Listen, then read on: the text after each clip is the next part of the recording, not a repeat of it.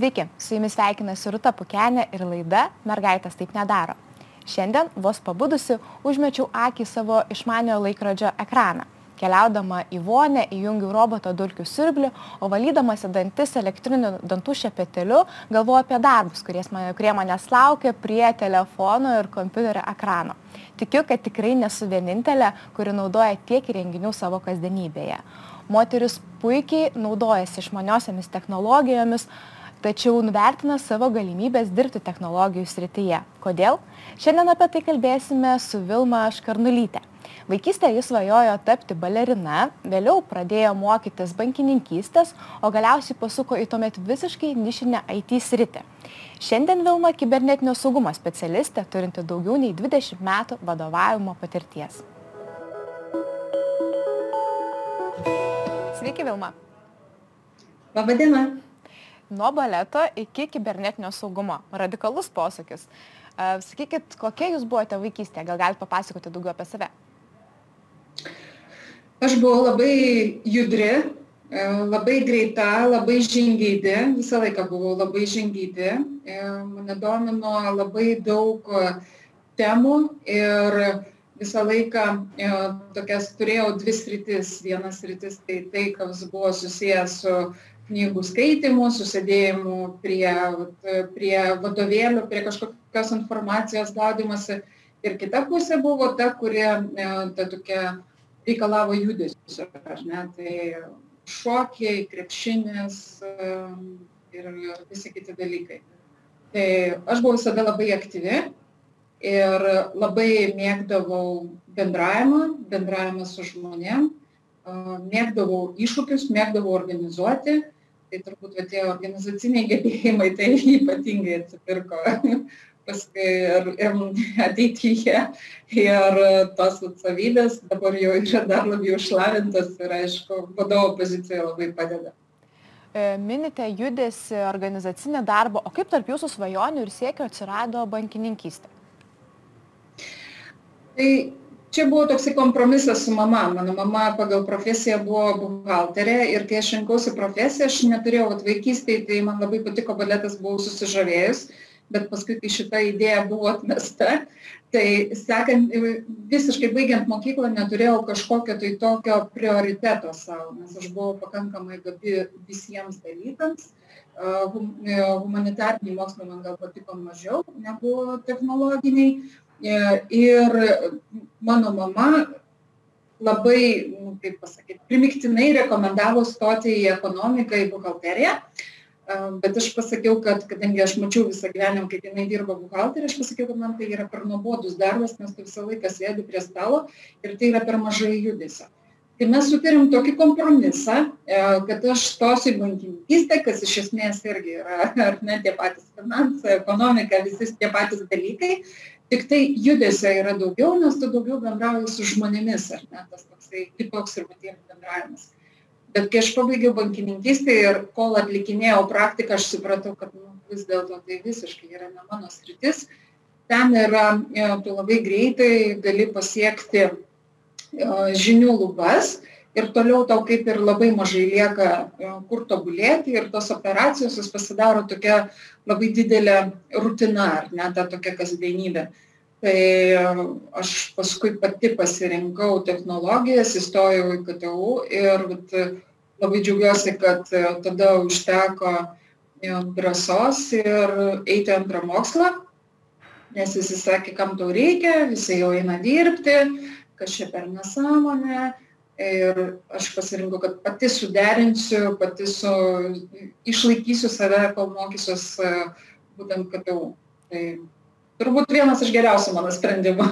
Bet kodėl būtent IT sritis, tuo metu tai buvo visiška niša, jūs truputį užsiminėt, e, bet aš man teko daugiau girdėti, kad šito jūsų sprendimo pereiti iš bankininkystės į IT nepalaikė na, nei draugai, nei artimieji ne niek niekas nesuprato nes it buvo iš viso tos inžinierinės profesijos jos buvo suvokiamos kaip darbas kažkur gamykloj tam, kad ir kompiuteris ar ne, tai vis tiek buvo laikoma, kad tai yra gamykloje, internetas tik tai ateidinėjo, buvo pati pradžia, kompiuterizuotos darbo vietos tik ateidinėjo į rinką ir su visom naujovėms tau yra pakankamai sudėtinga įrodyti, ne, kad tu matai tame savo ateitį. Tai juolap matosi pagal profesijų pasirinkimą, kad dažniausiai įstojo vyrai, moterų buvo labai mažai, tai vėlgi, nu, kaip čia mokysies tarp, tarp vyrų, čia gal ne visai tam skirta, gal bus labai sudėtinga, neaišku, kur gausi kažkur tai darbą, kokioje srityje. Tai nu, labai daug diskusijų visokiausių ir atkalbinėjimų tai buvo beprotiškai daug. Iš draugų tai daugiausia buvo, kad vieną mokslo turi, kam to antro reikia iš viso. Eik, dirbk ir visos grupiokės įstojo, pabaigė bankininkystę, jos pradėjo E, ten į magistratūrą maksimum nuėjo kažkur į ekonomiką, e, bet vis tiek išlaikė tą pačią kryptį ir darbinosi sėkmingai tam buhalteriam, finansistėm, ekonomistėm toj srityje, tai nu, tiesiog niekam nebuvo suprantamas tas mano sprendimas, kodėl man dar čia kažko tai reikia. Reikia antro aukštojo mokslo, plus dar negana to, dar visiškai kitoje srityje.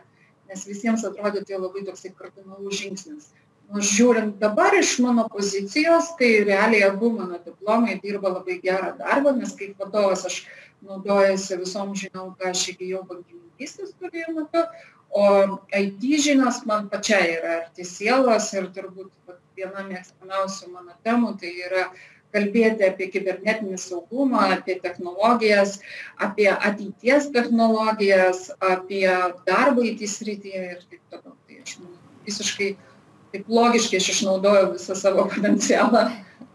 O kalbėdama apie savo kelią į IT, užsiminėt apie labai daug stereotipų, kuriuos išgirdot iš savo artimo rato. Sakykit, kurie iš jų pasiteisino, kurie ne? Kaip atrodo šiandien tas darbas su moterų IT srityje? Pradedant, e, pradedant dirbti kibernetinio saugumo srityje, dar buvo tas toksai e, kartų šuolis truputėlį ir buvo labiau tas toksai stereotipinis mąstymas ir labai dažnai moteris priimdavo tik tai kaip, kaip specialistė, kuris sugeba paruošti dokumentaciją, sutartis labai gerai sugeba paruošti ir e, suvaldyti projektus, ar ne, kad būtų viskas laiku pristatyta, laiku padaryta ir taip toliau.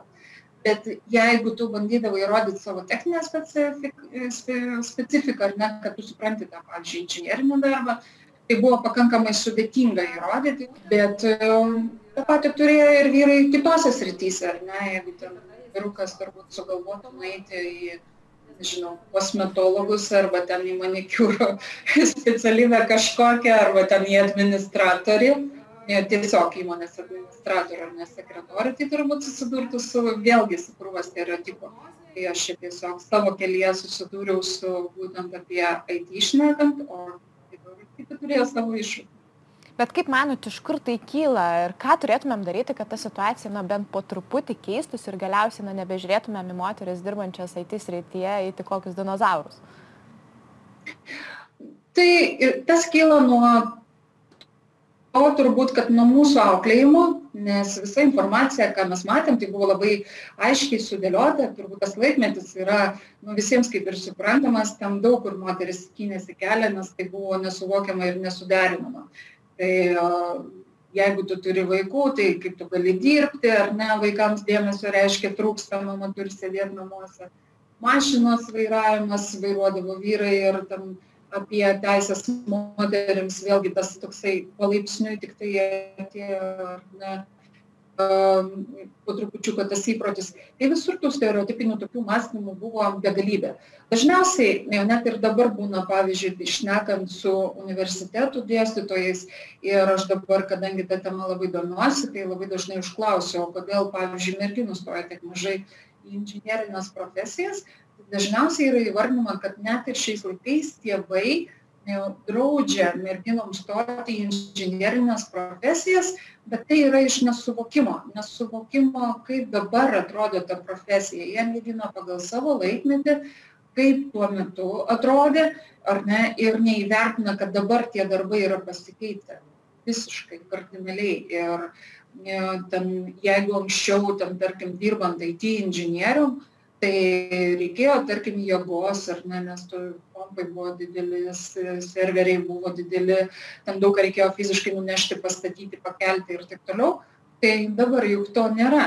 Bet tas toksai perversmas mūsų galvose, jisai vyksta labai labai išlėto.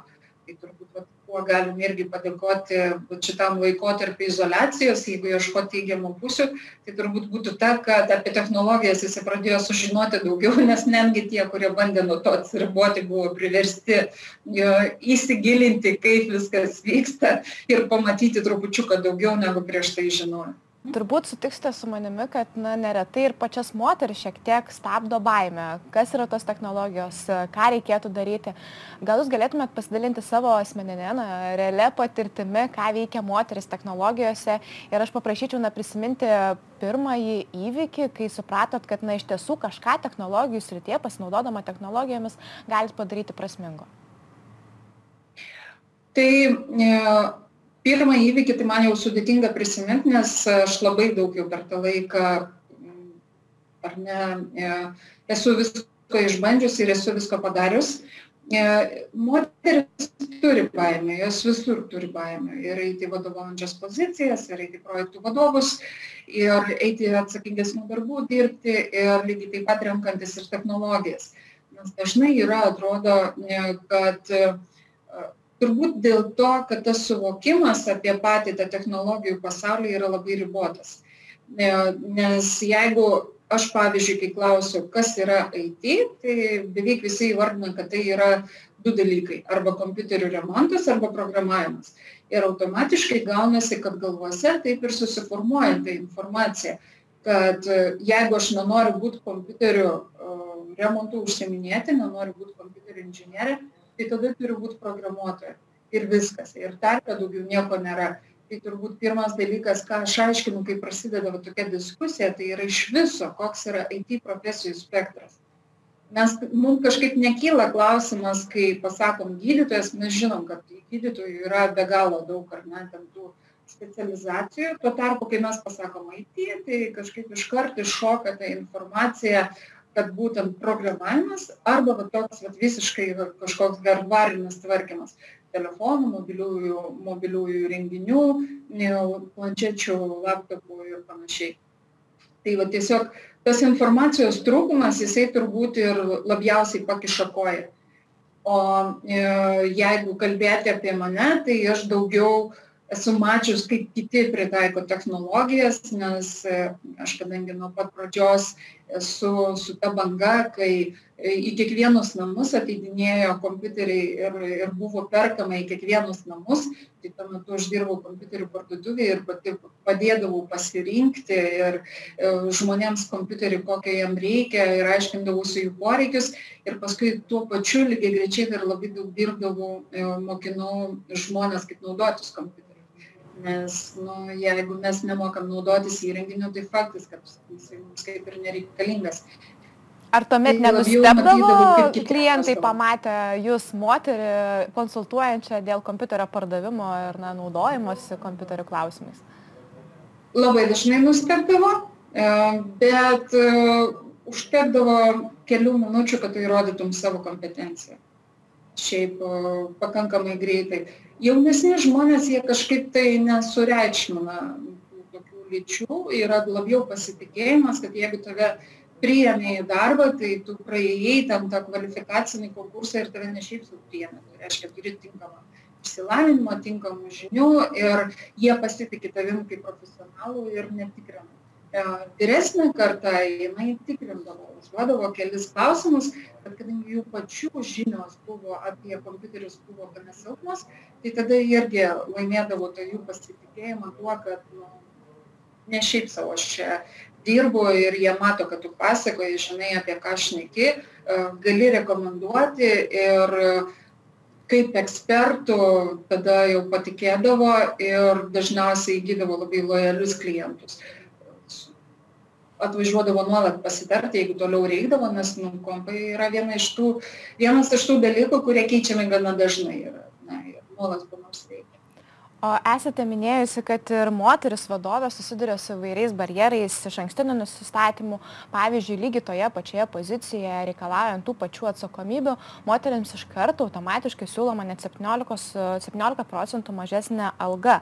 Ką jau kalbėti apie na kolegų požiūrį į moteris vadovės pozicijoje. Kokios situacijos jums asmeniškai yra skaudžiausios? Kokias realias istorijas iš realių moterų esate girdėjusi taip tai turbūt pati tokia kai mes skaitom tą spaudoj ar ne kad toks skirtumas yra tai galbūt galvojam kad nevertėtų jo sureikšminti arba kad tas mūsų neliečia bet iš tikrųjų tas liečia visus ir nes lygiai taip pat kiekvienoj šeimoj yra ar dukra ar sesuo yra ar kažkokia kita giminaitė kuri eidama į darbo rinką dėl kažkokių tai priežasčių jai yra siūlomas mažesnis atlyginimas aš pati esu susidūrus su istorija kai bandžiau rekomenduoti savo e, gerą pažįstamą į marketingistės vietą rinkodaristės vietą ir jos kvalifikacija buvo labai aukšta ir patirtis buvo didelė. Ir jai pasiūlė algą jinai paskui kalbu su su tuo žmogum kuris ją interviavo ir pasiūlė būtent jai tą algą. Ir tiesiog vien vien šiaip sau iš smalsumo paklausiau sakau o jeigu būtum vyras ar pasiūlytum daug ar mokėtum tokį patį atlyginimą? Ir man pasakė kad vyrui mokėtų daugiau nes jisai išlaiko šeimą. Vyrai turi uždirbti daugiau nes ant jų pečių yra šeimos biudžetas. Nu visiškai nesuvokiama logika kažkokia tai nežinau. Atrodo kad moterys tai dirba tiktai sau algą naudoja tiktai sau jie su šeima nesidalina. Atrodytų kad nėra moterų kurios išlaiko šeimą. Atrodytų kad nėra moterų kurios investuoja į šeimos gerovę. Tai toksai labai labai keistas požiūris bet nu jo vis dar yra. Labai gaila bet jo yra ir yra nemažai o šiaip kalbant apie vadovavimą tai vėlgi labai dažnai būna tas toksai net nežinau kaip susiformuoja toksai požiūris kad moteris gali būti moteris vadovė yra isterikė labai emocionali ir jeigu tarkim iškils kažkoks darbinis klausimas kad nemokės priimti kritikos nemokės išspręsti problemos kad pradės rėkti aš ne aš nepažįstu nė vienos tokios moters vadovės kuri taip elgtųsi bet toks stereotipas vis dar labai gajus mhm. tai net nežinau kaip su tuo kovoti nes turbūt čia e, jeigu pas žmogų iš kur iš kur pas žmones tokia patirtis netgi susidaro aš nesuprantu ar ant jų namuose mamos rėkia ar ant jų mokytojos mokykloj rėkia ir dėl to jos galvoja jie galvoja kad ir darbovietėj jeigu moteris ten vadovė tai bus kažkoks bus kažkoks rėkimas kažkokie tai konfliktai kažkur kažkokie tai dalykai kažkoks net nežinau man sunku net atsakyti tokį dalyką o jūs pati asmeniškai specializuojatės būtent kibernetinio saugumo srityje. Gal galėtumėm pakalbėti šiek tiek ir apie tai. Pandemijos metu daug kas persikėlė į skaitmeninę erdvę. Verslai perkėlė savo verslus būtent į elektronines parduotuves mes patys prie kompiuterių ir dirbome ir leidome laisvalaikį. Gal galėtumėt įvardinti ką apie kibernetinį saugumą šiandieną turėtų žinoti kiekvienas? Tai pirma žinutė ir turbūt pati svarbiausia žinutė tai yra nedaryti niekur skubotų veiksmų. Tai yra būti atsargiems. Dar niekada taip aktyviai nebuvo kaip yra dabar ir aišku logiška suvokiama įvairūs kibernetiniai nusikaltimai internete ne interneto erdvėse. Tai vienas iš pagrindinių yra vadinamasis fišingas arba socialinė inžinerija ir bet kokiais būdais yra bandoma išgauti informaciją iš žmonių tam, kad paskui ją panaudot kokiam nors nusikalstamai veiklai kažkokiai. Tai net jeigu mes nesusimastam, pavyzdžiui, kodėl yra klausima mūsų ne, ten vaikų vardai pavardės, arba, pavyzdžiui, gyvenamasis adresas, arba ten kokiam bankė laikote sąskaitą, arba dar kažkokie tokie dalykai, tai e, reiktų visur labai atsargiai pildyti apklausų formas, jeigu ten klausia tokių kažkokių asmeninių dalykų, ar ne, tai geriau būtų nepildyti ir neteikti jokių duomenų. Ypatingai yra naudojamasi įvairiausių institucijų, kurie, kurios turėtų mums kelti pasitikėjimą vardu. Tai yra e, bankais dažniausiai yra naudojamasi, kurjerių vardais yra dažniausiai naudojama firmų pavadinimai, universitetų vardais firmų pavadinimai ar ne, nes tas, kuris nori ištraukti iš mūsų informaciją, kibernetinis nusikaltėlis, jisai stengiasi E, mums padaryti du dalykus. Viena, tai padaryti psichologinį spaudimą, kad jam labai greitai reikia kažkokios informacijos dėl kažko tai. Antra, kad e, jisai yra iš kažkokios organizacijos nu, e, arba priklauso tam universitetui arba policijai, tarkim, policijos vardu, ar ne. Kai pasakoma yra, ten žmogui yra atsiunčiamas laiškas ar yra skambutis ar SMS, kad jums skambina iš policijos, tai dažniausiai žmogus iš karto patiria stresą ir net, ne, net netikrina, ar čia iš tikrųjų iš policijos skambinama, net netikrina, ar paštas yra iš tikrųjų iš policijos. Ir automatiškai ten žinutė būna ar ne, kai yra prašoma kažkokiu tai veiksmu padaryti. Arba pateikti kažkokią tai informaciją, arba pervesti pinigų. Pinigų prašymai yra labai dažni ir labai dažnai žmonės vat, išsigasta, išsibalansuoja ir perveda pinigus tai būtų toksai e, kaip ir vienintelis didelis prašymas lukterti. Lukterkit, kol smegenis pradės logiškai veikti ir pradėsit peržiūrėti tą informaciją visiškai. Nedaryti ant emocijos. Nes nei, nei, ne, nu, nei viena institucija, nei bankas, nei policija, nei ten universitetas greitoji, nežinau, ten kažkokia tai siuntų tarnyba ar ne, nieko nepakeis, e, jeigu ten jiems perskambinsim patys e, internete rastais numeriais arba ten jeigu užtruksim, pagalvosim, kas tai yra, kodėl tai yra. Nebūtina daryti viską tą pačią minutę. Vilma, jūs esate sakiusi, kad net ir socialinių tinklų paskirą nulaužti yra kur kas lengviau negu mums atrodo. Kaip tai vyksta? Tai paprastai schema yra visiškai tokia pati, nesvarbu, ką nulaužti, ar ne? Tai yra jeigu mes einam, tarkim, į socialinį tinklą, yra labai daug netikrų, netikrų svetainių. Tai čia galioja žaidimams, socialiniam tinklam ir įmonių organizacijų internetiniam puslapiam. Yra, jeigu suvesim kažkaip, nors vieną raidę, pavyzdžiui, vesdami Facebook, suvesim vieną raidę neteisingai, tai mums išmes labai panašų puslapį, taip kaip atrodo Facebookas. Ir iš to greitumo, iš to skubėjimo mes to nepastebim tada atiduodam savo prisijungimus, tai yra suvedam savo ID kodą, suvedam pasvardą ir tada mums išmeta pranešimą. Atsiprašom, šiuo metu sistema neveikia, pabandykite už 10 minučių, arba ten atsiprašom, dabar per daug vartotojų, arba dar kažkokie, arba atsinaujinti pasvardą ten kitą dieną, nu, kažkokį tai tokį pranešimą per tą laiką mūsų tie prisijungimo duomenys yra perimami ir e, tada jau pats nusikaltėlis gali jungtis prie mūsų paskyros ir naudotis. Kitas variantas yra atsiunčia, e, anksčiau būdavo daugiau e-mailai, kad yra bandoma įsilaužti jūsų Facebook paskyrą, prašau suvesti, nurodyti savo prisijungimo vardą ir pasvardą ir mes patikrinsim, ar čia iš tikrųjų yra e, ar jūsų paskyra yra saugi, ar ne. Ir viskas. Tai yra požymis, kad yra bandoma tiesiog iš jūsų išvilioti prisijungimų vardą ir, ir pasvardą. Dabar tas pats yra daroma per telefoną, tai yra atsiunčiama SMS, kad bandoma yra nulaužti jūsų paskyrą, prašau patvirtinti, atsiųsti mums savo prisijungimo vardą ir pasvardą. Ir žmonės atiduoda. Mhm tokius duomenis. O net nereikia, kad ten taip kaip visi įsivaizduoja, kad ten reikia sėdėti, hakinti, programeriai sėdi ten, bando nulaužti kažkokiais sudėtingais kodais. Ne, tos schemos yra tokios paprastos, geriausiai veikiančios schemos yra labai paprastos ir jos yra pagrįstos būtent žmogišką psichologiją. Mhm turbūt tas pats galioja ir neriant į IT sritį, ne tik bandant na, nuhakinti ją. E, sakykit pabaigai, ar galėčiau paprašyti jūsų patarimo moteriams, kurios galbūt žiūri šią laidą ir svarsto, ar jiems vertėtų pasirinkti karjerą technologijų srityje. Koks būtų jūsų patarimas? Taip, reikia.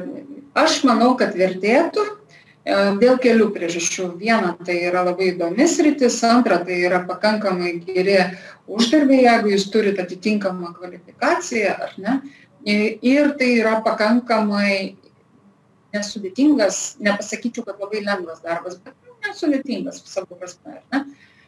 Tačiau nieko nereikia daryti labai labai skubiai. Visų pirma, apsižiūrėkit, nes kaip ir minėjau, tų sričių, kur dirbti IT yra beprotiškai daug reikia pasižiūrėti, kuris rytis jums labiausiai yra priimtina, kur jums iš tikrųjų bus įdomu. Tai yra sudėta, kaip atrodo tas darbas. Pasižiūrėkit, ar jums tai atrodo priimtina, ar jums tai atrodo gražu. Plus galima išklausyti labai yra krūvas tai nemokamų kursų arba labai už mažą kainą kursų, išklausyti kursus ir pabandyti. Nors labai lengvai skamba, kai, ne, tarkim, sugalvojau, kad noriu to ir to, ar ne. Ir nepabandžius, nepajutus ant savo kailio, tai nesuprasit, ką tai reiškia. Ir neapsiribot tavo informaciją, kuri yra tokia, kad pasigilinti labiau, kas sudaro IT sritį. Nes tas pats kibernetinis saugumas ir tai jau susideda iš daugelio sričių, kur yra lyg ir siauresnė niša, bet jinai dar turi savo sritį. Supratau, Vilma, ačiū labai Jums už pokalbį. Ačiū Jums. Ačiū taip pat sakau ir žiūrovams buvusiems kartu su mumis. Padėkoti taip pat norėčiau ir unikalius IT sprendimus kūrinčiai ir pokyčiams įgalinančiai įmoniai Baltic Amadeus. Iki.